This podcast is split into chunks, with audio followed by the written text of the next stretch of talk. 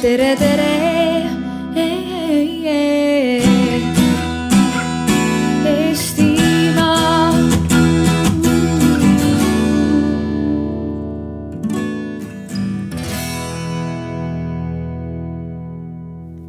Hello, everyone. Welcome uh, to this uh, discussion on civil society in Europe, where we are looking uh, answers for the question questions who, how, and why should be mobilized. Uh, this discussion is organized by the uh, Open Estonia Foundation.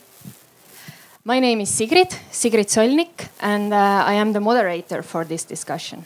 Uh, in my everyday life, I run an organization called Estonian Roundtable for Development Cooperation. So um, I- have my own share in the organized civil society in, uh, in Estonia. But here, uh, acting as a moderator, I am uh, answering questions, uh, not answering, asking questions. But it, you know, moderators who like to answer the questions as well, right? Uh, and, uh, and guarding the rules of respectful discussion convention, or in Estonian Arvamusfestivali hea tava, um, that underlines the importance of, of listening and um, and um, not only criticizing but also looking for um, solutions, or mostly looking for solutions. Okay. uh, this discussion is um, uh, live streamed and uh, recorded. That's the reason why the, why the sound is very important here. Uh, yeah, but, uh, but now to the uh, discussion the civil society and mobilizing. It's a very wide topic. Um, and I would love this discussion to uh, produce ideas, concrete solutions, and good stories on uh, on first how to show people that um, that civic activism, civic engagement, and, and civil society are important, and and these things can make a difference. Uh, and how to come over the uh, the attitude we often have uh, here in Estonia, but maybe also probably I don't know in other countries as well, where people say that well I don't care, it doesn't matter, and somebody else should fix the problems, but probably it, the fixer should not be the state because you can't trust those. Um, and the second questions, uh, question is that what are the tips for Estonian civil society organizations or, or individuals there um, on how to engage with, uh, with masses, with people, and how to uh, mobilize people behind your cause? And to help, um, uh, and here we have uh, three wise uh, men from faraway countries who, uh, who help us with finding answers to these questions. Uh, I'll do a short round of introduction. We'll have, uh, we have here uh, Miklos Marschall from Hungary, first and founding executive director of Civicus and, and former deputy managing director of Transparency International. And, and once he was also a deputy mayor of Budapest. Uh, secondly, we have Jakub Wygnański. Yes. Uh, this, this names always. Uh, Jakub is a sociologist, activist, and the co-founder of a number of, of NGOs uh, in Poland.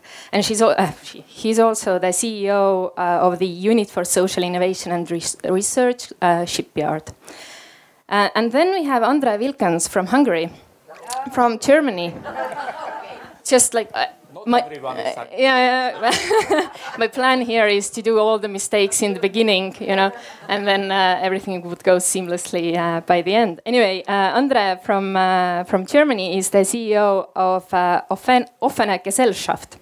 Uh, former director of the Mercator Center in Berlin and uh, director of strategy of Stiftung Mercator. Um, short introduction. They will uh, talk about themselves a bit more later on. And how do we proceed from here? We have one and a half hours to, uh, only one and a half hours to, to talk. Um, first, I'll ask some input from the audience, from all of you. So you can't just like sit and listen, you also have to talk. Uh, then uh, I'll ask our guests to talk about some case studies from their respective countries. Um, then we'll be all together looking for answers to the questions I posed above, and then we'll have a decent chunk of time um, allocated for questions from you to um, to our guests.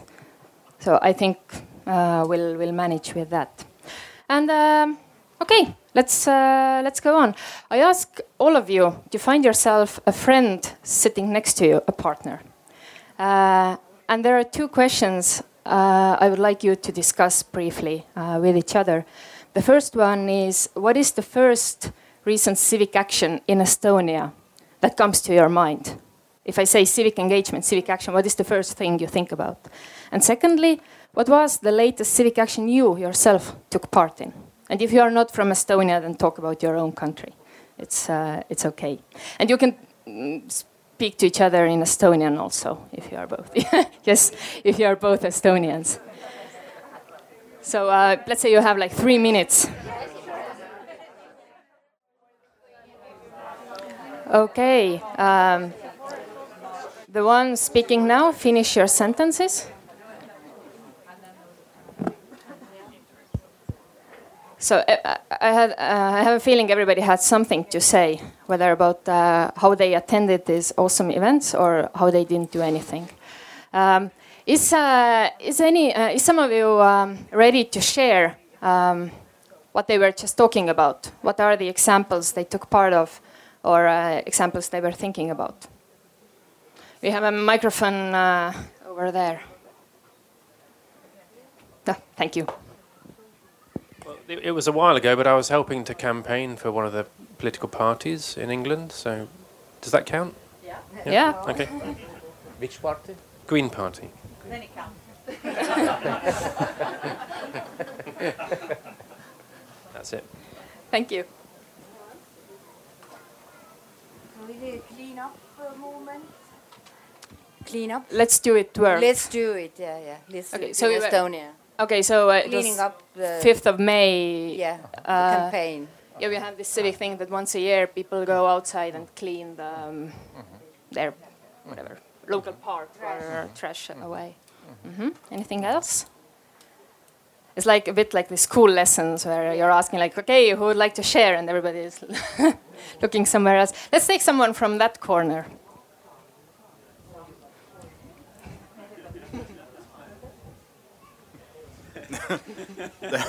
yeah, okay. well, I just got here. We didn't have that much time to, to talk. Uh, um, we talk more about some other things, but um, so. what was the latest civic action you took part of? Civic. let's do it world. Uh, let's do it again. Okay.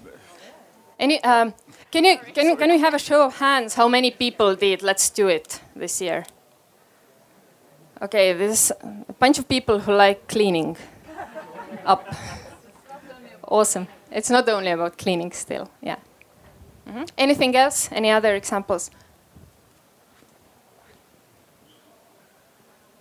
I, uh, I'm not happy to be the one who will start with the negative concern, but um, I, I have lived in the Czech Republic in Brno for several years, and the reason what uh, brought me to this discussion. And uh, what why I like to discuss the civic action is also that much like Tartu, Brno is the second largest city in the Czech Republic. It has a population roughly half a million, almost half a million. You have plenty of universities, a lot of university students who like to express their political opinion. And what I think, in my perception, happened to Brno, for example, and uh, it's like, you know, that joke that when you arrive to supermarket in the United States, you have so many Oreos and flavors that you can pick. That basically happens every day in Brno. So you have like a lot of protests and a lot of civic actions that you can attend every day.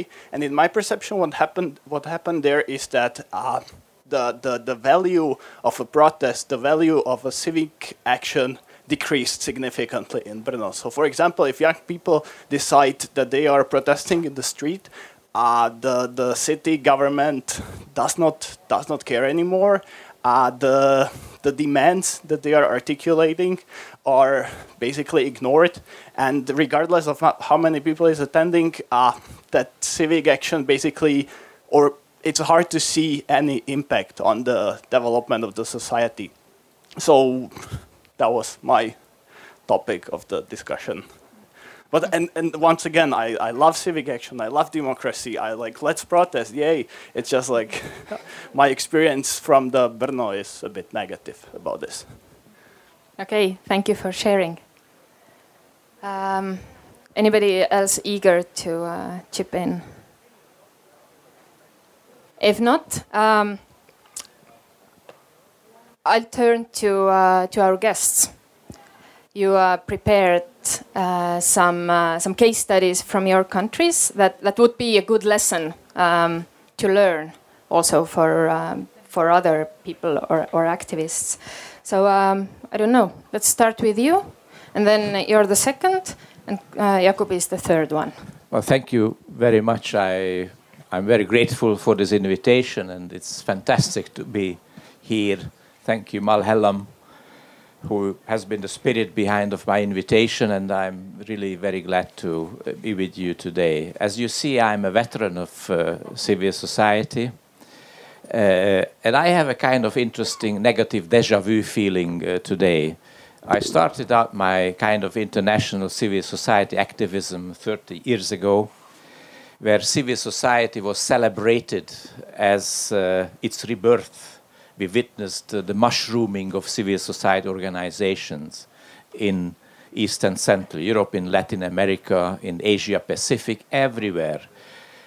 There were uh, lots of endings. Uh, the Cold War ended, uh, uh, the bipolar world has ended, and we witnessed lots of new beginnings. And uh, that was a kind of fantastic optimism and enthusiasm internationally. Uh, that now we have a kind of uh, world which will be connected by universally accepted values, and uh, so uh, uh, the limit is the sky. And I became very active internationally with Civicus, as the first Civicus CEO. We helped many civil society organizations all over the world to draft enabling laws, regulations, to apply common standards, to help them to uh, uh, get started and build up uh, what we call civil society. So, my basic experience 20 something years ago was that of a fantastic optimism and a new world. And now here I am, 20 uh, plus years later, and I have this kind of negative deja vu feeling. So we are again in the same situation, but with the absolutely opposite direction. So the pendulum is swinging uh, quite uh, dramatically back. And uh, when we were talking about uh, the renaissance of civil society uh, uh, 30 years ago, now we are talking about restrictions introduced by many governments on civil society organizations. Uh, according to the latest Civicus report, uh, in more than 60 countries, there are restrictions introduced against civil society organizations. So we are on the defensive. And this is part uh, of a bigger uh, uh, trend, and that is the trend where democracy is also on the defense. Uh, by all international comparisons, by all international reports, we know that also democracy is in a kind of uh, uh, crisis. And we are witnessing the rise of what we all call new authoritarianism, new populism, or new illiberal uh, uh, uh, systems. So, this is a kind of fascinating, frustrating, but also exciting time for many of us, including myself although I'm retired now, but uh, I'm kind of nervous and frustrated by what I have uh, been seeing uh, all over the world. And now my contribution in terms of the case study is my home country, Hungary, which is always a, a, fantastic country. It's a fantastic place. You remember that Hungary was on the cutting edge of uh, the changes uh, uh, in the uh, late 80s, early 90s. Hungary was the most advanced uh, post-communist country. We had most of the institutions already in place when communism uh, collapsed, uh, and uh, uh, we were quite proud of the fact that we were really on the cutting edge of reforms. We were the darlings uh, of the international community. Uh, when I introduced myself at international meetings uh, and I told people that I was Hungary, I always got some very positive feedback. Oh, Hungarians, you got the guts to uh, stand up and uh, change the system. And uh, so that was a fantastic time for me.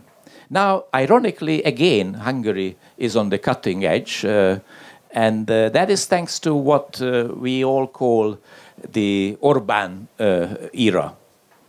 And uh, I would like to give you a little bit of an insight or background. Uh, what is this uh, Orban era in reality? And here, I think the departing point should be uh, why why is uh, Orban so successful? I there is no. It is not smart to demonize Mr. Orban. Mr. Orban is a very talented politician. I actually uh, know him. Uh, I met him briefly when I was deputy mayor in Budapest in the early 90s, 91 or 92, I think. And uh, he was uh, already outstanding with his intelligence and brightness. And my wife will remember we have some foreign guests uh, uh in the Hungarian, in one of, uh, in a theater of Hungary. We, we saw a, a theater performance. And uh, I introduced Mr. Orban to my friends that this is the future prime minister of Hungary. And I meant it half jokingly but also seriously. And I was absolutely right. So, uh, not uh, in 94, but in 98, uh, he became the prime minister of Hungary. So, what is, uh, what is Mr. Orban? What is Mr. Orban's uh, uh, thing which makes such an international interest, creates so much international interest? I think he has been one of the uh, most uh, intelligent uh, and best educated critique of what we call the liberal democracy. And what he offers to Hungarians is based on the failings of uh, uh, the liberal democracies. Because for an average Hungarian, liberal democracy meant not too much. Uh, it meant political bickerings, things never got done, bureaucracy, uh, uh, uh, and a high level of insecurity and unsafety. It is because of the globalization, because of the marketization, many people lost their job, and so on and so on. So you know this. So it happened in many other countries.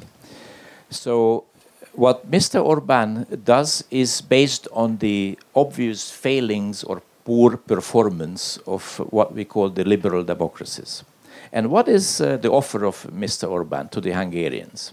And don't forget it, he won uh, elections. So this is not a dictatorship. This is, uh, in that sense, a very legitimate political system. So what Ms. I can summarize what Mr. Orban is offering to Hungarians in four uh, points. He offers leadership uh, against accountability and this is based on the uh, uh, uh, experience shared by many Hungarians that you know this complicated system of checks and balances is not leading to anywhere. Uh, and uh, instead of uh, endless debates and discussions, we need again real leaders who will tell me what to do, who will create confidence and, uh, and authority to follow. And I think that is a serious uh, uh, uh, uh consideration. So, first of all, he offers leadership uh, in a world where leadership is almost impossible. We know this saying that the European Union was designed to make any leadership impossible. So, in that time of crisis and uncertainty, he offers uh, leadership uh, at the expense of accountability. The second point is that he offers charisma instead of bureaucracy. He will tell you that uh, in today's world, we need real leaders who have the guts uh, to speak uh, honestly And uh, instead of uh, uh, relying on these complicated bureaucratic systems where no one uh, has uh, the uh, guts to take decisions, here I am. I will take decisions and I will lead you. And this charisma is the basis of his influence and strong positions. Then also he offers security instead of unsecurity. And finally, uh, uh, yeah, these are the three things uh, uh, I can summarize what his offer is to Hungarians. So it resonates, uh, whether we like it or not. These messages are resonating uh, with the, the at least around half of Hungarians are voting for him. And this is not a Hungarian phenomenon at all. You see that everywhere uh, in the world. And uh, that's why I think uh, instead of uh, kind of demonizing uh, uh, Orban or Erdogan or others who are doing the similar thing, we have to understand and unpack what has led to the rise of those illiberal leaders. And let me finish this part of my uh, uh, contribution by just summarizing what are the key features of this uh, uh, regime. It is at the same time illiberal. It weakens the institutions of checks and balances, not, not by eliminating these institutions, but by occupying them. So Hungary still have a constitutional court. Hungary still have uh, Uh, uh, uh, audit, state audit offices, has the tax office, and so on. So all the institutions that are part of a liberal democracy do exist. The uh, uh, problem is that they are occupied by political friends of Mr. Orban, so they do not exercise their uh, role in checking and balancing the executive power. It is autocratic in a way that uh, everything depends on the charisma of the leaders. So there is no independent politician in Hungary who is, I mean, I, I'm talking about the ruling political party Fidesz. So everyone owns his existence to Mr. Orban. So it's a kind of classic Praetorian system. I don't know whether you are familiar that this Roman Praetorian system where everyone depends from the top. Uh, and that is uh, uh, the system in Hungary. Political decision making are extremely centralized. And lastly, it is a populist uh, uh, regime as well because it takes advantages of the fears and frustrations of people and builds uh, on them and create political products, as they call it, out of those fears and frustrations and in situations they even create such political products uh, fomenting fear and taking advantage of frustrations. You know, the most recent one is this anti-Soros uh, campaign.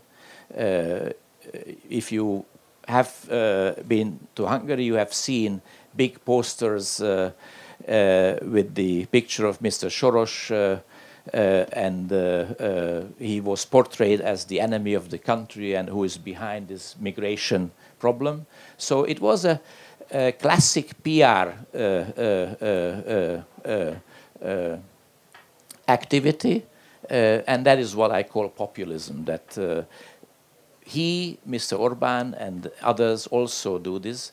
Instead of uh, uh, using the classic uh, uh, deliberative democratic uh, tools, they go, as they say, directly to the people. So they have consultations directly with people. So every Hungarian received a letter from Mr. Orban uh, uh, with kind of pseudo questions about migration. So this is what I call populism.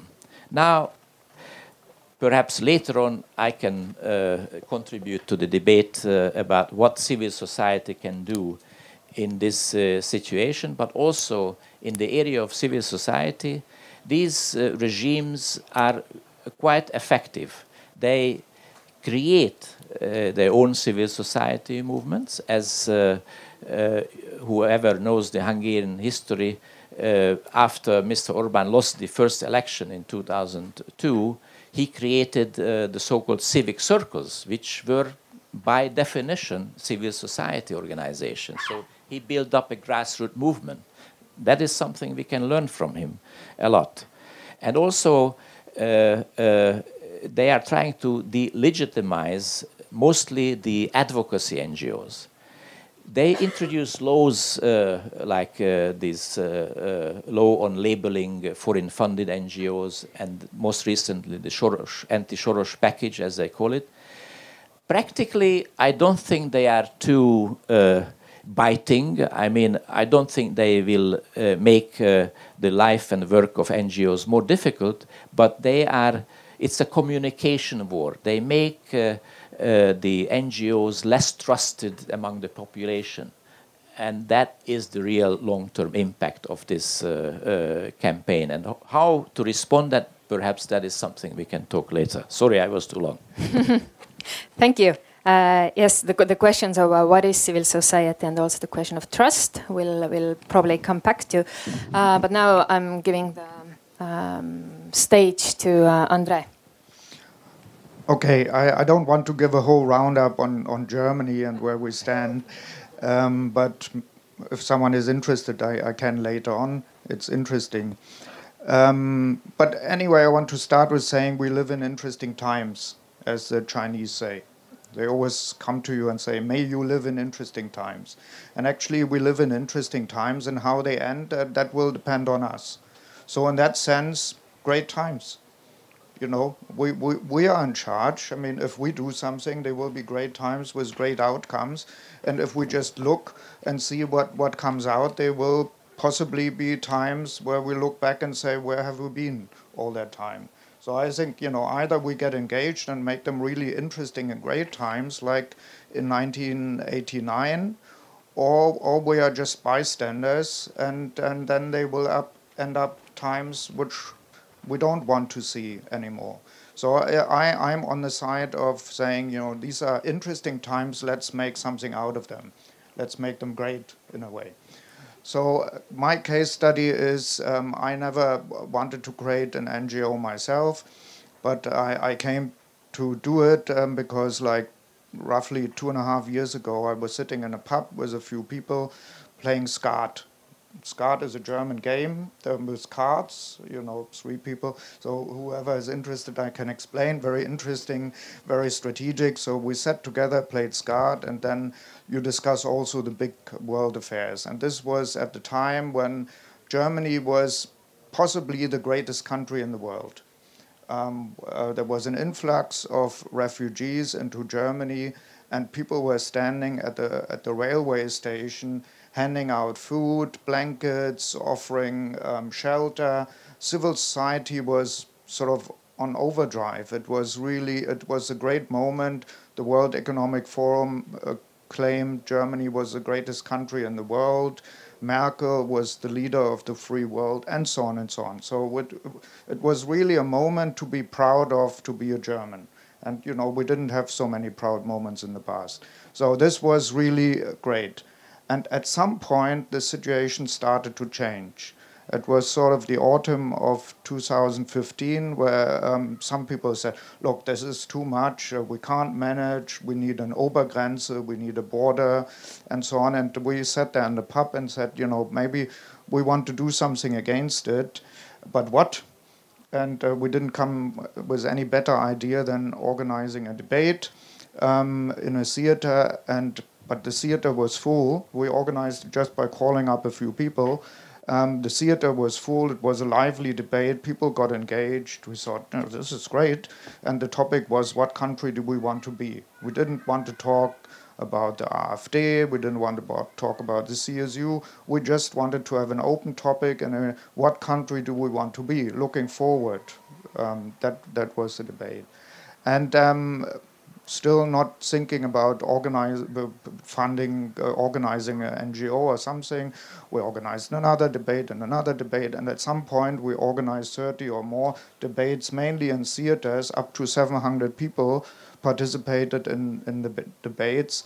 And, um, and out of this sort of creation of something without um, any structures, um, we organized um, more than a hundred of, of, of those debates in Germany, all over Germany, in cities and small communes. We had then um, uh, we, we then said we do this every day. We call it 365 days open society until the German elections. Um, we have loads of partners and so on, and still no structure we needed to create a website, so we, we've asked uh, one of our friends to build a website and, and so on. So we didn't want to create any structure, and I, I want to mention this because you don't need to create an NGO to do something, to do have civil engagement. You can just start.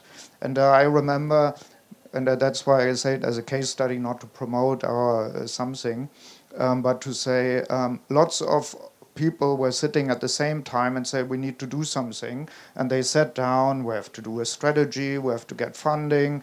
And they were sitting down and organizing themselves and uh, for a year not doing anything apart from writing papers.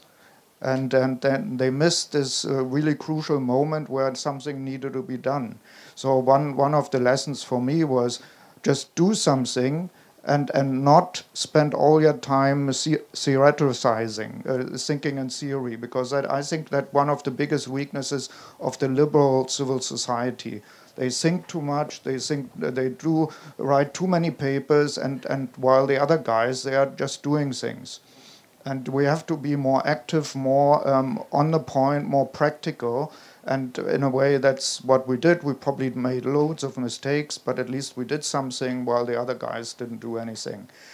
Um, so we, we then had over a thousand of these debates and events all over Germany. We created a day of open society, and our case study in that sense is you have to create a community. We call it the Open Society and its friends not like Karl Popper, the Open Society and its enemies. We're the Open Society and its friends. We created a circle of friends, and uh, you know, you need something where you can uh, sort of stand there shoulder by shoulder and support each other and say, look, we are here it's not only the guys you see on on TV, uh, racist um, with racist slogans and so on, and uh, wanting to create um, borders and the Trumps of this world.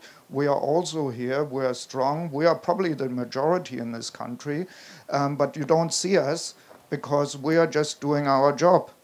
We are not in a, um, in a square all the time, but we are many and and we need a sort of um, support network, and that's what we created, and and that's what we do, and everyone chips in. We have an architect um, who's uh, who we want to work with, and building um, a, a, citizens' assembly in the center of Berlin. Just between um, the Bundestag and the Bundeskanzleramt, so right in the middle of everything. Um, we, we have an actress who had a very famous actress in Germany who did a video for us. Um, we, we have, um, you know, um, famous um, sociologists um, who st- stand up and do podcasts and so on and so on. So everyone is doing whatever they can do best to, to work on, on this. And um, we, do, we have a very flexible structure. We had to create some sort of fine to, to uh, acquire some money to build a website and, and so on. But my key message in, in, in, in kicking off is uh, don't get hung up by thinking you need to create structures. Just you have a vision, you start, you don't be afraid of making mistakes, get going um, and in a way look forward and don't um, do this because you are afraid, um, but uh, because you want to create something great. That's as a start. Thanks. Thank you. And uh, Jakob has been making notes and now has the the floor.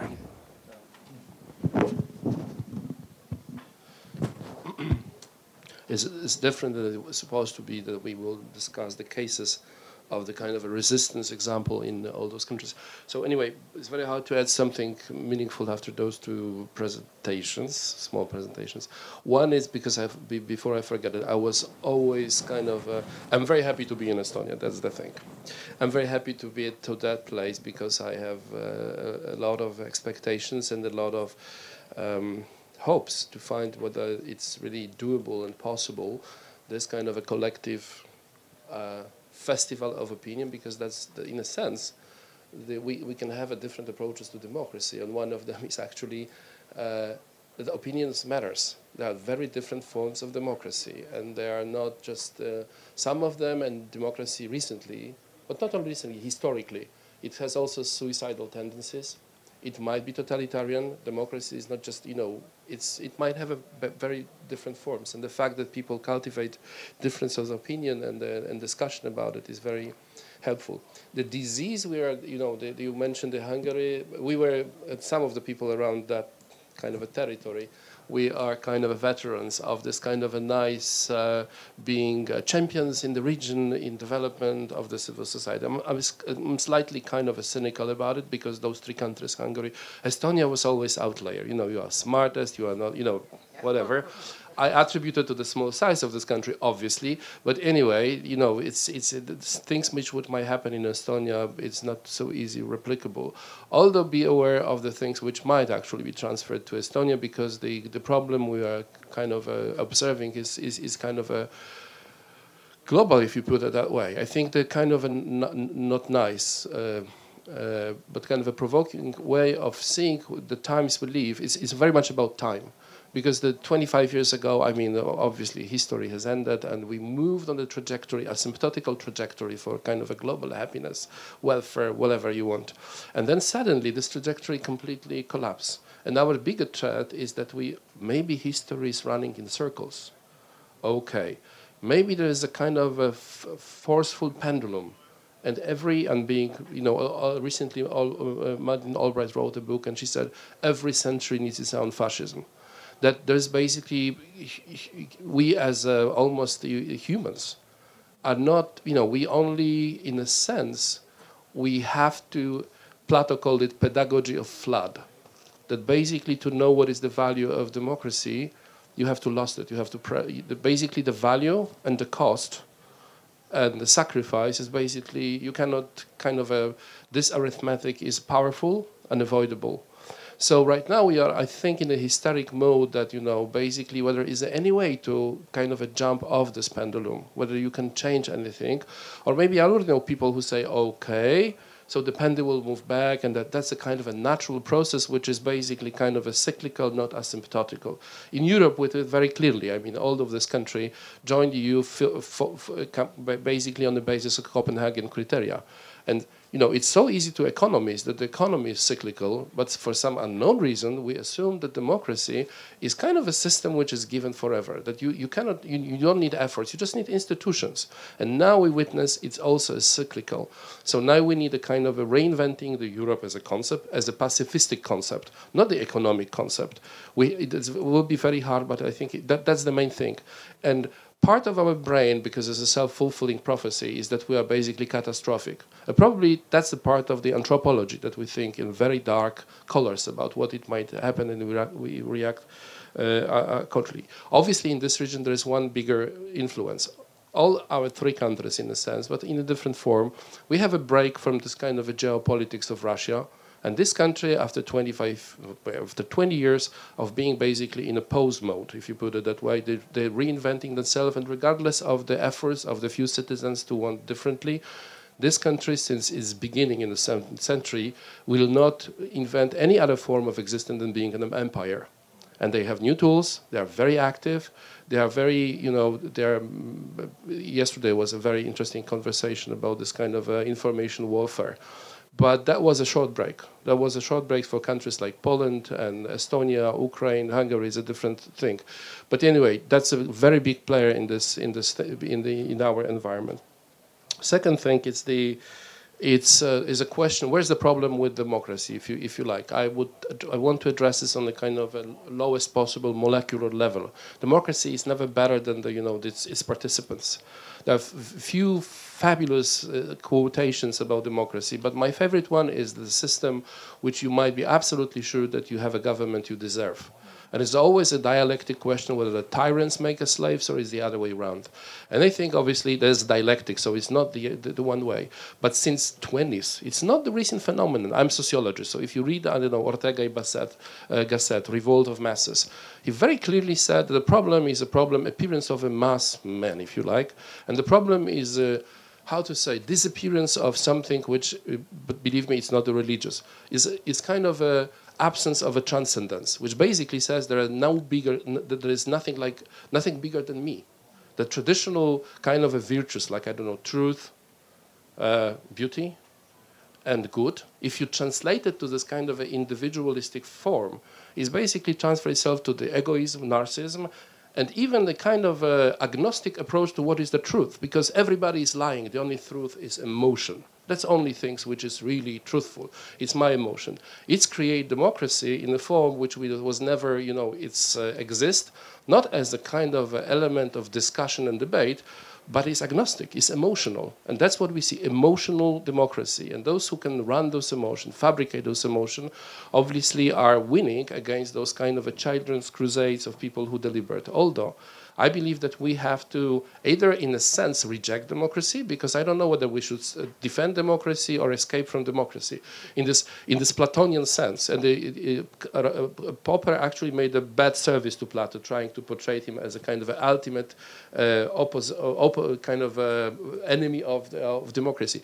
His approach to democracy was very. Imagine the letter U. He said you have a six regimes: tyranny, oligarchy, bad democracy, good democracy, aristocracy, monarchy. And he was very aware in which kind of a situation democracy is working. His famous prophetic word in one of a conversation was, okay, democracy is the system, exact the wording, where the cosmetics is more important than gymnastic, and heuristic is more important than politics. And we live in exactly in that moment where the cosmetic is much more important than gymnastic, which brings me to the point that either we have to reject that kind of a democracy on our own, you know, we did it. We don't see it as a demanding system. We see it as a system which gives, gives us privileges and freedom and not obligations. And now in, we either have to reject it or embrace it. And how to embrace it is a long way. I don't know whether I have enough time to, but basically, the system is not to go back, it have to be in a sense reinvented. And just to name the main shifts, first is go from the so aggregative form of democracy, which basically calculate the votes, to deliberative forms, which means that uh, everything which is a concept of the common good, which is a policy, is formulated through the conversation, through empathy. It's not given, it's also not existing. So it's like a not either Republican or liberal, it, it exists as a subject of agreement. But you need have the time to go to the places like this and to talk. Second, I think it has to be um, kind of a, uh, hot as opposed to simply procedural. It has to be based on civic virtues, which is completely forgotten concept. It's not just institutions. All of us create institutions we have, and, and you can see how easily can, you can hijack the institutions. You basically change the people. Institutions with that, the civic virtues, values, do not exist. And those civic traditional values is like a truth, is like a, uh, I don't know the English word for that, but the truthfulness, respect for the difference of opinion, capacity to, uh, to assess your own government, um, uh, moderated expectations, you know, those kind of things is almost a manners. And those we forget almost. And I think that, that, we have right now uh, a very long way to switch ourselves to this kind of organic, slow food, in a sense, analog, not the digital version of who we are and how we perceive each other. And uh, I, I, know it's just the, the, first thing, but that will be my kind of uh, my take on that is that, that, that we have a very long march, not through the institutions. We have a long march through ourselves, if you like. I don't know how it's going to reinvent itself, but it's the only kind of a recipe which I can uh, uh, name right now. Thank you. Mm -hmm. Thank you. Um, from, um, from all of that, what I heard, uh, I have my, my very first question that probably is also the, the question all the people who are not present here at the, Arvam, uh, at the Opinion Festival ask, which is basically uh, does it actually make difference if I do anything? If we take the point of, um, uh, or the um, example of uh, Orban's Hungary, where the system is kind of changed so it um, supports what is happening there. Or, um, or if we take Germany, where things were kind of okay and, then went worse. And, and then um, what we heard about um, uh, running in cycles and uh, what all is needed to be done for the, for the values or, or for the better system in a sense, which sounds very difficult and, and is very long, long term, as you said. So basically, every normal not every normal, but there are a lot of citizens who are like, well, why should I do anything? Because it actually doesn't doesn't matter. Or, or you know, and, and if we agree that it matters, if you agree, then then how to bring this message forward to people? So this is questions two in one, in which first question is more important at the moment. So whoever wants to react first, or maybe Andre, yeah. Um, no, I, I think it's it's important that people do something. And um, one of uh, the people who inspired me a lot recently was was a guy called Martin Roth.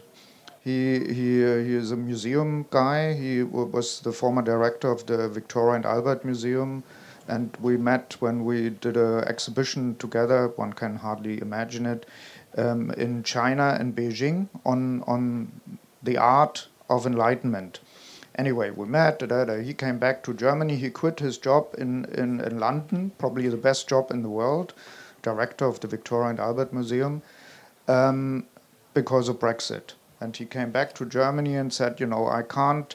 I have to do something now because I, what will I tell my children and my grandchildren that in that time I have just sat there and made some exhibitions.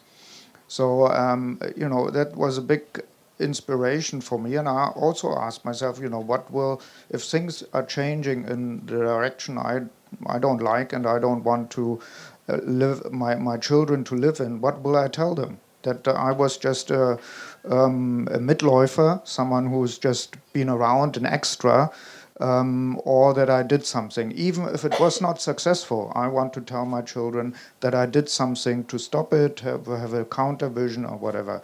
So that's uh, my drive, and that is actually one of the things for people who work with us. A lot of people who have never done anything in their lives most of these people have not gone to demonstrations in the past because it wasn't necessary, because it was maybe inconvenient. Um, children had to be taken to whatever swimming classes, and, and it was, uh, you know, and suddenly they say, Look, I need to do something, tell us what to do.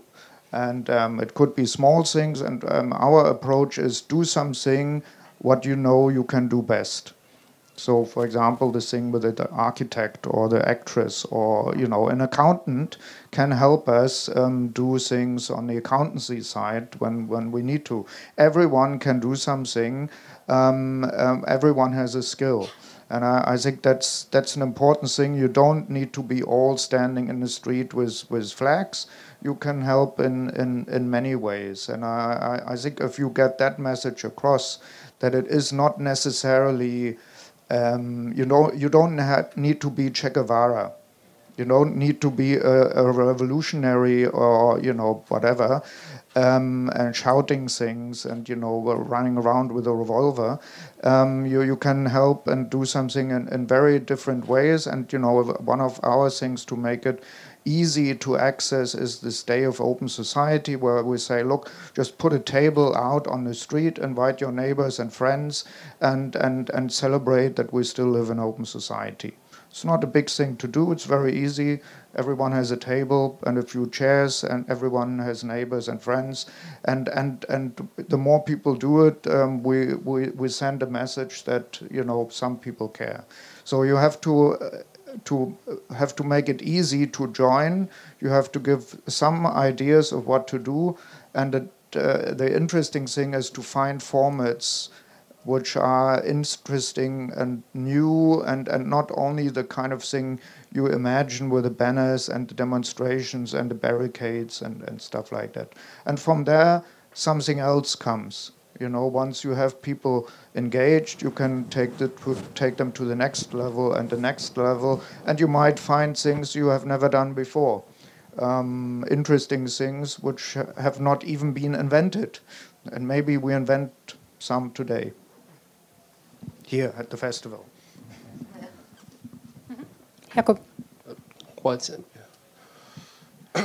they might be a different. I mean, on on our generation, I think that we might have a di different lesson because we're living in a kind of a world of almost a grief, and that is, you know, uh, in the sense that the things are collapsing. The young generation thinks about it com completely, completely different, and you might. It's very personal, almost existential. My kind of a feeling is similar.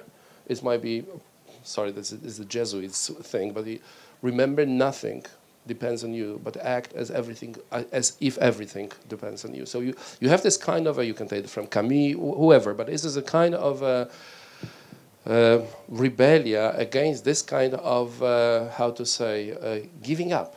And I think a, a lot of people have this excuse: nothing, nothing really depends on me.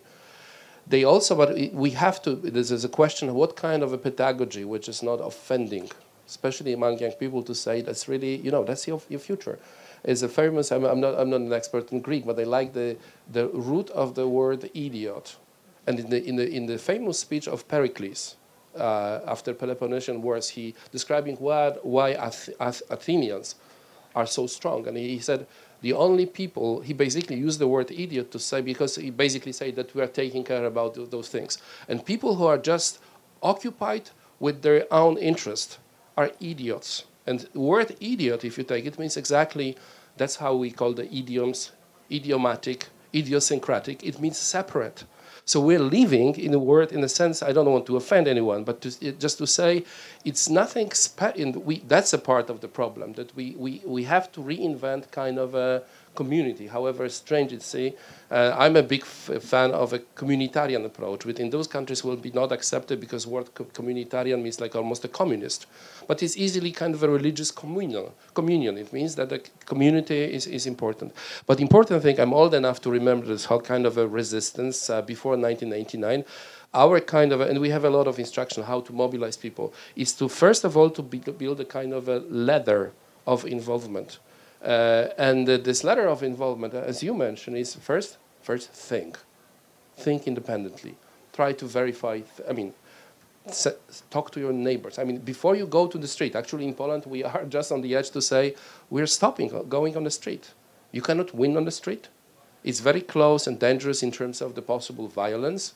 Then you need another courage. And Poland is especially a country where people might think that basically dying for the country yeah, we, we have a long tradition for dying for the country, but the kind of a thing much more complicated is live for your country, because it's need a, a lot of efforts of the type, and to basically you have to find, okay, so think, talk, commit your time, commit your money. For example, one of the outcomes of this, we don't have this kind of a Soros hysteria, but anyway, we are, we are very close to you know, to join that club where every foreign funding will be even EU funding will be perceived as a kind of a agent role, if you like, as like a, you know, a spying. We started something which is called Civic Fund, and the Civic Fund is simply collecting money from individuals. In the first year, paying zero zloty for any kind of advertisement, we collect more than one million zloty. So people understand that the cheapest price they can actually pay for those kind of uh, protecting the rule is their money. So slowly you can you can you, you, you can build something, and uh, uh, it's not so much advocating for your own cause I mean, the, the only successful protest in Poland was not about the single issue protest, but this kind of a no logo constitutional process. We say, okay, we have to reboot the system so we will have a privilege basically to have a different opinion. Otherwise, we are at risk of not having that kind of opportunity. So that was a kind of a common join. Yeah.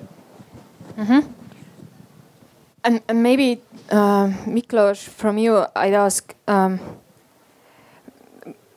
as a follow-up uh, question yeah. to to the previous one is that if, if you take the Hungarian case, what can actually be done in a sense that people have been on the streets and and they have been trying to build a community and and there are a lot of people who are against what is happening, and then the Orban is still there having fun. Well, I, th- I think this is hard work. So I think everything starts with hard work. So we should uh, move beyond this kind of uh, uh, grandstanding uh, strategies, and we have to be very self self-critical and learn a lot from others. And many NGOs have been, let's be honest, quite arrogant. Uh, and we kind of look down on political parties. So, one of my recommendations, for instance, a practical thing, is let's try to retake the political parties. We all remember that uh, in the 19th century, political parties were by definition civic organizations with uh, uh, internal democracy political parties had uh, real membership, who paid membership fees, who attended uh, uh, evening schools, organized program for the children. So the political parties had real membership. Some of them in Germany still have some membership, which is quite uh, unique and respectable. But most of the political parties in our region, they don't really have membership. They are like corporations with the CEO, with the bureaucracy, and uh, they act like a machinery.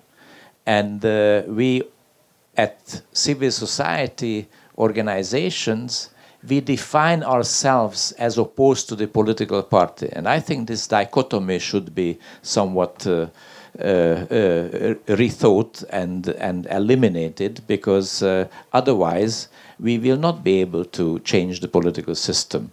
Civil society organizations are not designed to change the political system. Uh, in a way, uh, Mr. Orban has a point, although I disagree with him because he's using it as labeling of NGOs. He says that NGOs are uh, uh, kind of disguised political parties. And be honest, come forward and uh, make a political party and don't use NGOs as a cover for your political ambitions. I think advocacy NGOs are uh, based on basic uh, uh, free speech, and we have all the fundamental right to uh, uh, Uh, uh, associate uh, with each other and initiate movements. But I think perhaps, I'm not so sure, of course, but perhaps the most effective strategy would be to retake the political parties, leave our uh, uh, uh, criticism of political parties aside. Let's join and let's change the political parties. Let's become uh, members, active members of the political parties. Let's reform the political parties from within so uh, it will not be a corporation with uh, a CEO with unlimited power. Uh, intern the internal democracy within the parties will recreate uh, those 19th century political parties which are actually representing certain parts of the society. So, one of the few recommendations I have for ourselves is move beyond this uh, uh, kind of distance uh, uh, between civil society organizations and political parties. Let's found our political parties, let's be active in them, and let's uh, try to change them. Mm -hmm. but, here there are there are a lot of people who are actually asking like, okay, can we have um, a society where you don't have to be a member of the political party to have a right to say something, or um, or, or, or to be heard in general, because I think this is often the problem that people feel that uh, they are not heard by the by the policymakers or the decision makers in general. So um, I don't know. Maybe there should be kind of like a balance. I think one of the biggest right now, the, the challenge right now, is that you have the completely new topography of political actors. And I agree with you that the political parties was too soon kind of dismissed. Mm And, uh, and uh, luckily, as a civil society, one of our kind of a trap we should not fall is that we have a single strategy. One is to revigorate political parties because we don't have right now better alternatives. If you jump kind of a hysterically from the political parties to direct democracy, of the kind of IT-based direct democracy, is a big danger. And altogether, the question: What is the role of intermediary institutions? And again, there was the kind of a historically, we are all Tocquevillians, if you like. We believe that people associating, they basically enrich democracy. They create the super citizens. They protect the authority to this kind of asymmetry of power when I'm the individual and you are the states. And exactly, he was a French conservative after the revolution. And actually, after the revolution, this kind of a Bonapartisan approach, they basically dismissed, after the French Revolution, all the political parties, association, trade unions. They say everything which is between the sovereign, uh, citoyen, and the state is almost kind of a blasphemy. So, and that's exactly where we live. Exactly uh, in Poland, the word sovereign is a powerful world because we say we win election. We have a right to do whatever we want.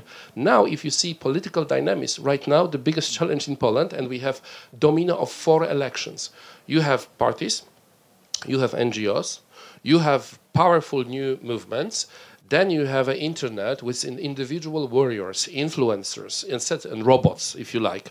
And then how to create, that's the, the biggest thing. Right now we are all in the face of an egocentric, kind of slowly disappearing. But it's like a, who is a successful winner? We have as every, kind of a technically, everyone wants to establish itself by opposing to others. We say, we are not those parties. And the social movements say, okay, maybe you have a spirit, but you don't have a bones and muscles. You basically disappear. It's a kind of a uberized civil society. You don't care about. So one of the biggest problems is how to find a completely new syntax of a policy making which is involving not only traditional trade unions and even NGOs. I spent 20 years trying to trying to only push one adjective, which was not the civic, not the social dialogue, but the civic dialogue. 20 years of work to build a new furniture of institution to allow NGOs to be part of that. But the reality is that you already have different dynamics, including a Twitter, if you like which creates completely new dynamic of politics. And I think the biggest problem of our side is how to build we were obsessed with this kind of uh, rules of I don't know of building electoral list on the men and women. Uh, now the problem is how to build this kind of a zip type of a situation where it's not about gender. It's about being new in politics, being old in politics. Whoever is going to invent that secret sauce, which basically galvanizes dynamically those different uh, institutions like Pactus, because without reform they will ba basically they are sclerotic. I mean, and they know it. And then you have this movement, you have this energy. And there is no, right now, maybe Podemos, maybe, but you don't have any single good example which basically was able to make that transformation for the pure social energy to something which has a political power in this kind of a normal sense. So I think the biggest ch challenge right now is to build that language on that side. Mm -hmm, thank you. Uh, I managed to get one more microphone, so. Uh I, I think it's a, it's a very interesting discussion, um, and um, many people come to us and say, you know, why don't you create a political party? You know, it would be much more useful for us. And we're basically we're constantly talking about whether we should become a political party or not, and we've decided so far we don't. Um, because there are various means of influencing the debate um, through what we do, um, basically actual debates in physical spaces. So uh, very analog in a, in a way, where, but where we also reach thousands of people. Um, and uh, through uh, our next step is actually to set up our own media channel. Um, so because we, we don't, um, in a strange way, we don't trust the mainstream media anymore. Um, it sounds uh, uh, ridiculous, um, but um, we have a, a pro message, a pro open society message, and that is very boring for the mainstream media. We, we are not featuring in the mainstream media because we are boring. We are saying we are for this society, we are for democracy, we are for um, you know good elections. That's boring. People who say um, we are anti-immigrants, we are anti-Islam, they get a lot of airspace, even in the liberal you know, liberal media because that creates clicks, that creates um, income for the media, and that's why we have it very difficult. So we have to set up our own media. We, we try to do this, but I mean, you know, there are various ways of influencing the debate. Media is one thing, creating a political party is another thing. Um, doing analog um, sort of uh, ways of you know, getting to people, community building, I think it's a very important thing, and coming up with new ideas, which um, I, I, think that's I said it uh, right at the beginning. Um, we can't be very good if we are only working out of fear. You know, we, we have to have a positive vision where we want to go, where we are not only defending the status quo, where we're not defending 89 or something. Absolutely. You know, we're not defending the good old days of when everyone joined the European Union or something. We, we have to look beyond that. We have to look at, you know, how can we create um, a, a, real equal society, not a society where 10% own most of the country, where the media is in, in, in, in hands of corporations um, which have their own interest, where we have, um, I, I, think, you know, uh, in Germany, we have an elite, uh, a business elite, which thinks they can do whatever. Look at Volkswagen, look at Deutsche Bank. We say where they are actually not properly integrated. Mm-hmm. We want to start an integration program for um, for some of the elites in Germany that they learn to speak the language of the people, that they actually uh, think of the common good rather than their own profits only, and so on and so on. So there are lots of problems, and you know it's also a question of how you set this agenda rather than running uh, behind the populists who are setting the agenda, and suddenly we're only talking about immigration, especially, for example, in East Germany. Everyone talks about immigration, even so there have hardly any immigrants. There are hardly any immigrants with Islamic Islamic background, but everyone talks about Islamization of East Germany. And think probably similar in Estonia. Oh, yeah. Or in Poland or in Hungary. So, how do we manage to get away from these things? And I think you have to create a positive vision and in, engage people in that positive vision because acting out of fear, um, it's, it's, it's, it's not, it, it's not a, a, good starting point. Can I build on that? Because I, I think that three very important points. One is that the, in terms of a manipulation, is kind of a regression to the tribalism and moral tribalism, is very much based on the kind of a managing the fear is the most powerful mechanism you can, you can play.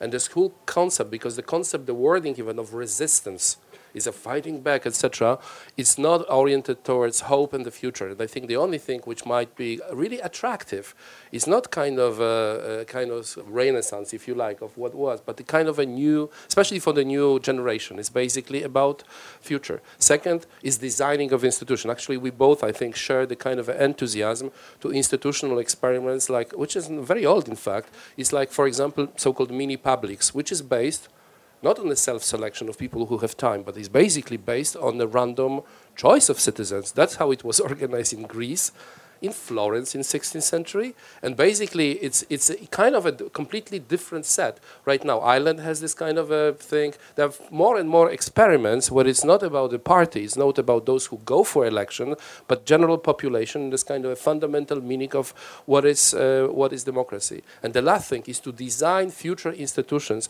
with a much stronger immunology against being hijacked. I think Germany, for historical reasons, I think they are best equipped in that sense. I, I, myself was six years the chair of the programming board of national television in Poland. Okay, I resigned with the previous government because their concept of public TV was that it's kind of a quota base. So left and right, they have more or less the same timing. And I said, it's not about this. You cannot be, as a journalist, you cannot basically give mic to left or right. You have to build something in the middle. And, and we collapse in this sense. Uh, and right now we are trying to redesign something new. And Germany is a good example because we are like, like watching. And after kind of a, this kind of a strange complicated marriage of Goebbels and the media, Germans invented their governance system where every regional TV have a council of 70 people. Okay, so uh, majority of them from NGOs. It's not executable, it's obvious, but it's also impossible to be hijacked. So even if we dream that things pendulum will go back, they, they cannot go back It has to be new set of institution, new dream, if you like, to build those institutions which are much more resilient to that kind of a kind of a fluctuation, if you like. Mm-hmm. Thank you. I have um, I have a question on, uh, on, on speaking the language of, of people and also trust. It's um, here uh, in Estonia's organized civil society is often very unhappy that um, or kind of critical towards people that nobody wants to. Uh, um, step out from the internet activism or, or come away from their TV and actually do something. Um, but then from the from this year, there was this very interesting example of basically a civic activist from a very non-organized part of civil society. Um, very shortly, the case study is that um, we've had a lot of fuss lately about the alcohol, taxing alcohol, and then uh, rather high tax uh, on alcohol compared to Latvia, which has resulted in people driving to Latvia to buy their booze, right? And then uh, 24th of February uh, this year, which is the Independence Day, um, there was this uh, group of friends uh, on Facebook who decided to have this action of um, called "Your taxis are driving to Latvia" on the Independence Day to show the uh, government that uh, they are unhappy with their tax policies, um, or or they are unhappy with the government in general, that government is not thinking of people. And somehow, what started as a um, small movement against um, between friends or uh, a group of friends, it ended up uh, with uh, around 5,000 people actually taking their time on their day off to drive to uh, Latvia to show what they think of the government. And I think this is a very good example of how people want to do things, but maybe the organized civil society don't know how to speak to them, don't know maybe how to translate the talk about the values and, and, and stuff into something people actually um, understand. And, and also how people maybe don't trust the, um, the NGOs. So my, my, to finish this very uh, mm, uh, long monologue, uh, the question is simple. How, how can we move towards building the trust and what can we learn from these grassroots movements apart from the, the point that Andre um, underlined a couple of times that act uh, and, and don't just talk in your in your boardroom but maybe yeah I, I think this is a, a, very vital question. We all face this issue of uh, having social media as a fantastic mobilization tool and this is a question uh, how the brick and mortar institution type NGOs work with the social movements. Social movements come and go, uh, but brick and mortar NGOs remain. I, I see a very natural partnership. So it's not an either or question for me. I think it is fantastic that uh, technology gives us this opportunity to mobilize hundreds of thousands of people within uh, days or weeks. Hungary has witnessed uh, similar events uh, when uh, the government wanted to impose an internet tax. Within days, uh, you know, people got to street and 70, 80,000 people moved and the, the government withdrew the plan. So the power of this mobilization is enormous, but it does not, uh, it has, it is part of the civil society. Has its obvious weaknesses in the fact that after this is over, it will disappear. That's why we need institutions. I, so I'm very much in favor of this partnership between social uh, movements and uh, what I call brick and mortar uh, NGOs. Uh, uh, of course, that means also that the NGOs like uh, the advocacy NGOs will have to uh, change uh, their strategy. They will have to be more open in partnership with the social movements. But this goes hands in hands with each other because I think one off events can be great, but nothing can replace this daily, gradual uh, work uh, building networks, institutions, uh, uh, collecting uh, membership, and, and so on and so on. So this duality is very important for me. Andre?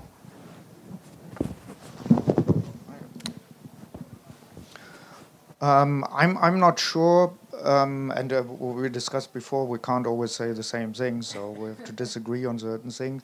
I'm not sure um, relying on old institutions is, is, enough. I think it's time for new institutions, new parties, new political parties, and we have seen it in France. I mean, there was a was a standstill, and then Macron came along with actually a movement initially, which then become a, became a party and then you know also you know I, I don't um, I'm not a fan but I mean Cinque Stelle in Italy was initially a movement um, and then became a party so I think it's time for new things um, we have a new generation of people who are working in a totally different way, partly through um, digitalization. Whether the, the green pieces and the amnesties of this world are, are the solution to these things, I don't know. I don't think they should go away, but I, I think it's time for new things. And, um, and I think we have to, uh, creating something new forces you to think creatively, think new and I think you know a lot of the things we have created in, in the past in civil society, they have been hijacked by the other side. You know, take um, Greenpeace.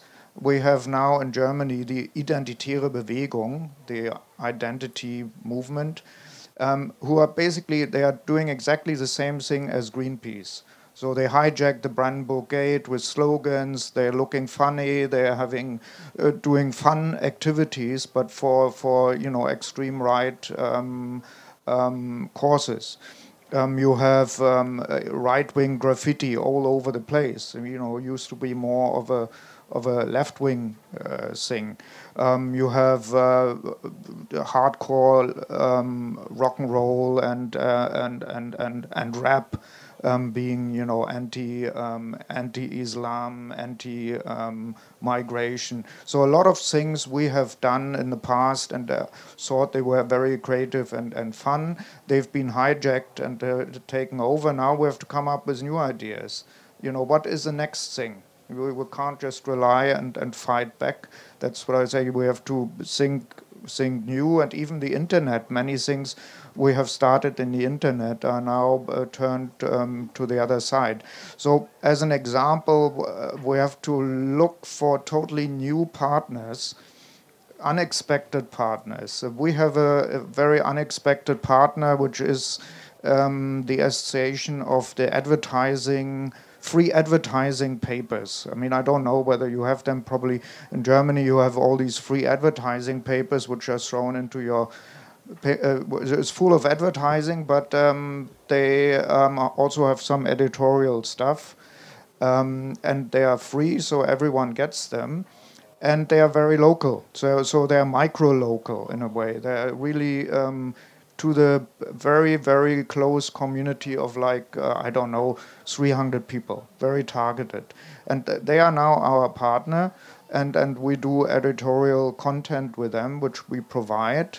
And they are very happy with that because they want to do something for the community and and we get everywhere. This is a totally new cooperation with someone who we normally kind of look down on you know advertising papers um, you know who kind of I, I, put a sticker on my thing i don't want any advertising so i don't get them um, but uh, many they have a circulation in germany of 50 million per week so a serious, uh, serious actor. So we have to look out more. Like in Germany, there's an association of uh, rural Landfrauen, which is um, ladies in, in in the rural area. Very close community, very good. They're in every village. You know, we are talking to them to do something with them. So you have to find totally new partners and can't rely on uh, the sort of old structures partly because they have been hijacked and partly because they don't work anymore. Maybe auditorium might have some. Sorry? I'm saying that maybe the auditorium. Yeah. uh, thank you. That was my uh, my uh, my next question is uh, is to the um, audience whether you have questions uh, or we are talking about new ideas or or the next steps. Maybe uh, if somebody has some ideas to share with us, what could be the the next steps for the civil society, or then the questions to the.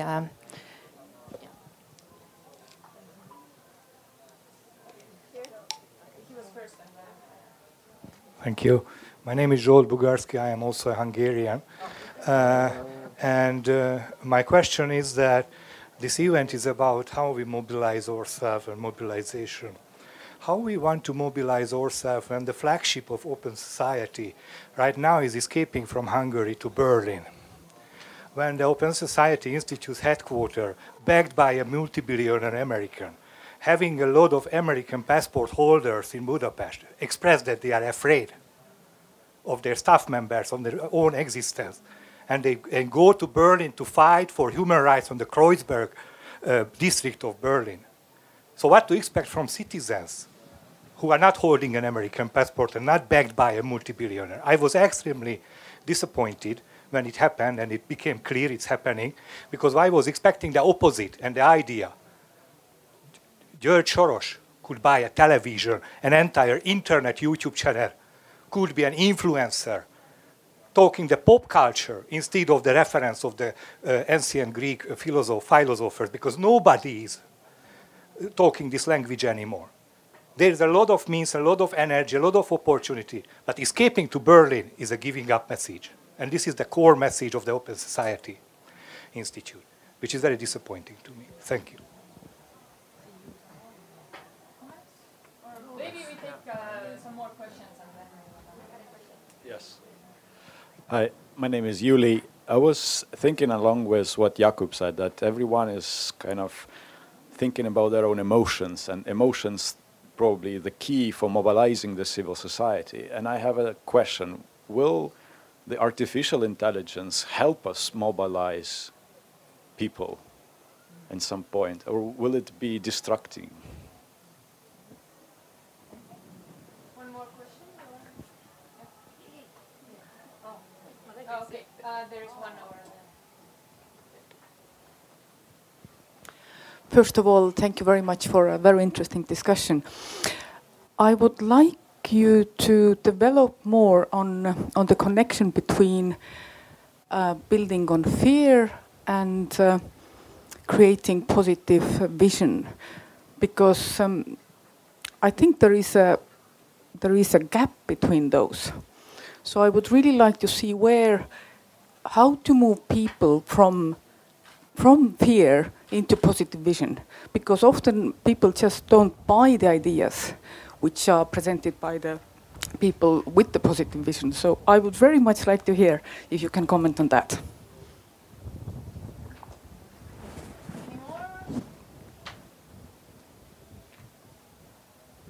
Okay. Um, Well, I, I would like to react uh, to my fellow Hungarians. I cannot speak for the Soros uh, network, of course, but uh, I do share some of your points. I think uh, we, in the NGO community, are somewhat uh, uh, too. Uh, I mean, we are not accustomed to the political fight. This is something new for us, uh, and we shouldn't be too much shattered. This is the nature of, uh, you know, politics. You are being attacked. You have to find out how to fight back. So uh, this is quite uh, normal, and uh, so in a way, I deeply agree with you that. Uh, and I think I, it resonates with uh, my colleagues' remarks that we have to uh, invent our language. We have to use a different narrative. We we have to use YouTube and and and and uh, you know. Jokingly, some of my friends uh, are saying that uh, the socialists, I mean the previous uh, government, uh, didn't have the oligarchs who were ready to buy television channels and invest into communication. Or, Mr. Orban understood uh, very early on two things that uh, after he was defeated in the first, uh, after his first year of governance, that he needs two things for uh, winning an election money and media. And he arranged uh, both uh, for himself. So I think uh, uh, the uh, opposition and everyone who cares about freedoms in Hungary, who cares about civil society, has to make more sacrifice. So those of us who are not rich, we have to do our own little things. Sus subscribe to the uh, newspapers we want to read, be a member of uh, networks we want to support, give little money here and there to uh, movements we care. And if we do it uh, uh, uh, more and more, I think we do our duties. Unfortunately, I don't see an emerging Hungarian entrepreneurial elite who would care too much about uh, liberal freedoms, and that is uh, an issue. Mr. Orban has built up its network of uh, uh, uh business people. Of course, that's another story. Uh, I don't think we can go into that, but I, I lack that commitment and, and, and willingness to actually make investment into this fight. Uh, and in that sense, I, I, I agree with you. Mm -hmm. Thank you. Complicated set of questions. Uh, first, it's the. Uh, I'm not commenting the OSI leaving the leaving the Budapest, obviously, uh, but you mentioned the, that nobody is listening to the Greeks and the YouTube will be better. I mean, I'm in a very. Um, I spent last two years trying to access people who are really influenced. Since I have three kids, and I, I know how they are programmed, which what kind of the environment, and basically to ask, since we don't have the authorities in tra traditional way, people with the kind of a moral integrity, we basically mimicking on the people who are our kind of celebrites, if you like the way they, they work, and some of them might have, I mean, they're easily gonna have access like, a, you know, the population of Estonia one guy who is basically making stupid jokes, you know, easily. To basically come to that is very complicated. Some of them make a kind of a attempt. For example, the uh, the the kind of the audience of those say the stupid thing is like a, a, quarter of a million of people, and they decided let's talk to our ombudsman, who is probably the last kind of a stand in this kind of a constitutional stance against this kind of a mechanism. Okay, the, the visibility of the dropped immediately to the 15,000 people. So they to find a way which goes from this kind of a strange authenticity, if you like, which is probably the biggest problem right now, culture and visibility, and amusing ourselves to death. That's exactly that's what, what we do, and that's the kind of a diagnosis of who we are and how much we are able to sacrifice anything, including our time, uh, will be difficult, although I understand that basically access to that kind of the influence will be really, really important. I'm a big skeptical about the technology as such. I think that, but this is a different story. I think we're really on the edge of the end of Anthropocene. I think that we basically we should take a big break from development of technology because our muscles and the capacity to kind of a know know-how question uh, uh, it's completely unproportional to know why. So our muscles, comparing with our mind, heart, consciousness, is completely kind of a. So I, I actually I'm afraid, and I have a lot of friends who, com, who they say, okay, maybe we would have a bit better micro targeting, you know, th those kind of thing. So uh, one way is basically to use the same, as you say, the, you can hijack but just tools. They're just tools. So maybe I'm not big expert of that right now. I'm in this phase of the kind of a regression to the kind of the organic, slow food, talking, emotional, you know, seeing you, because I know that we probably cannot fight this, the kind of win that, that battle. On this, but it this brings me to the third point of the fear management. I don't. Hmm. I don't know why it's happened, but as a sociologist, in 2015, the average number of people who were accepting immigrants in the countries in 2015, before the kind of immigrant crisis, was bigger in Poland than in Hungary, in Germany. You need three months basically to fabricate complete fear to win election without having any single immigrants by simply managing the fear that will you know appear and they will basically invite uh, invite us. Uh, I don't know. I mean, te technically, anthropologically, we are basically programmed to be more, in a sense, more, um, more in kind of a sensitive to the, to, to the thing. Uh, I don't have the, and it has to be very powerful hope force, if you like, basically, like say gravity and grace to say, okay, we can somehow step beyond, because basically the, the kind of a fear is the other name of different form of the egoism, is a kind of a protectionism and uh, it has to be very strong i don't know dream value which we are not able anything which is bigger than us in a sense because it goes back to the problem that we basically don't see anything bigger than us that's why they uh, in that kind of uh, kind of a ladder of needs, the existence and survival in the world which became immediately that's that's probably the name of the game. World accelerate, it's unpredictable. We know nothing about that. More, and the, basically, it's create immediate kind of uh, regression to the traditional way of survival. So, also in, with, in this tribal form, which was very good program towards myself and us, and very badly programmed to the question of us and them. I don't know how to make it, but I see this basically we have uh, we have to build this kind of a maybe the kind of a narrow road towards some different emotions than simply a few, But I don't know the, the recipe. Mm-hmm. Andre. Um, um, maybe I pick up on the artificial intelligence. I, I would be very, very careful um, and um, I'm on your side. I actually uh, kind of advertise a book I wrote called Analog is the New Organic. Um, and I, in this book, I draw the comparison to the green movement. Um, so you had industrialization, you had um, industrial food, and then suddenly there was an organic uh, movement which said, you know, we want to produce things in an organic way. And a lot of, uh, at the beginning, they were seen as idiots. Um, and then we had food crisis, uh, Chernobyl, and, and so on. And then suddenly everyone looked at the organic movement and said, oh, that's interesting. And, and organic and the biological movement became bigger and bigger. And in Germany, now we have a party which came out of the organic movement, the Green Party, which is, uh, is supposed to take over now the Social Democrats in the polls.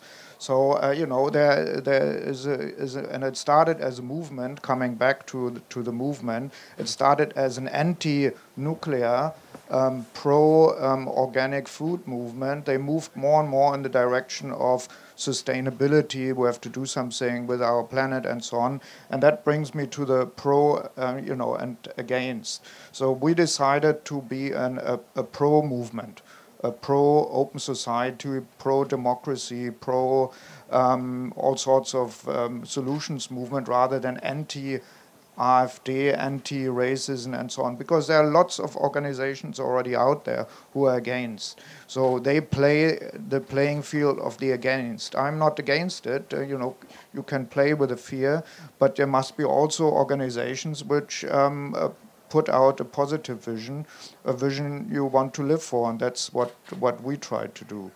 So. Um, and then maybe to the last point of you know moving from Hungary to Berlin. Um, while I like the idea that uh, you everyone comes to Berlin because it's such a great place, um, and considering where Germany comes from, I recently was talk, was talking in front of a group of students from the U.S um, right in the center of Berlin. And I said, So here where you stand 70 years ago, this was the center of the evil empire. And, and, and, and now this is, you know, one of the most liberal places you can imagine, despite all the problems we have. Um, so that's quite a turnaround in, in a sense. But I'm also worried that everyone who, who thinks uh, sort of similar to, or who thinks who is a, a super um, liberal now comes to Berlin because that uh, that is probably not a good idea. Um, because then we become a little enclave there, um, and um, uh, that's uh, you know just hanging around with yourself doesn't doesn't solve um, doesn't solve anything. And uh, finally, I think probably, but that's my prediction. Probably the solution will not come from the established institutions and parties. So I, I don't think the turnaround will come from Amnesty as a big civil society organization or from Greenpeace or whatever. It will come from new players like um, like um, you know the the Macron movement. Um, it will come from new uh, movements we haven't seen before. Um, there, there are ideas in Germany to bring uh, the sort of progressive people into some kind of movement.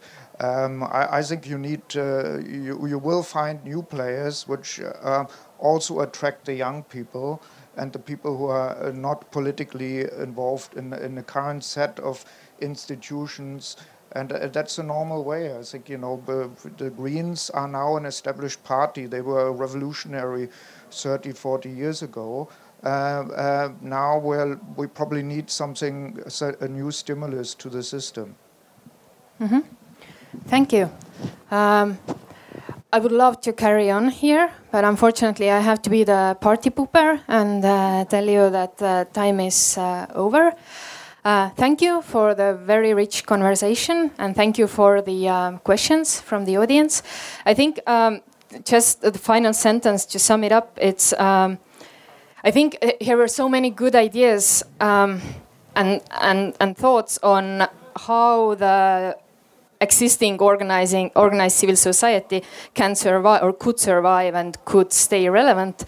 Um, I think the question maybe we will have to our, uh, ask ourselves is that do we have the guts to do it? Uh, because it needs a lot of trial and error and, and all this that people are uh, sometimes afraid of when talking about the fear management and, and all that. But uh, yes, thank you and an applause for uh, everyone.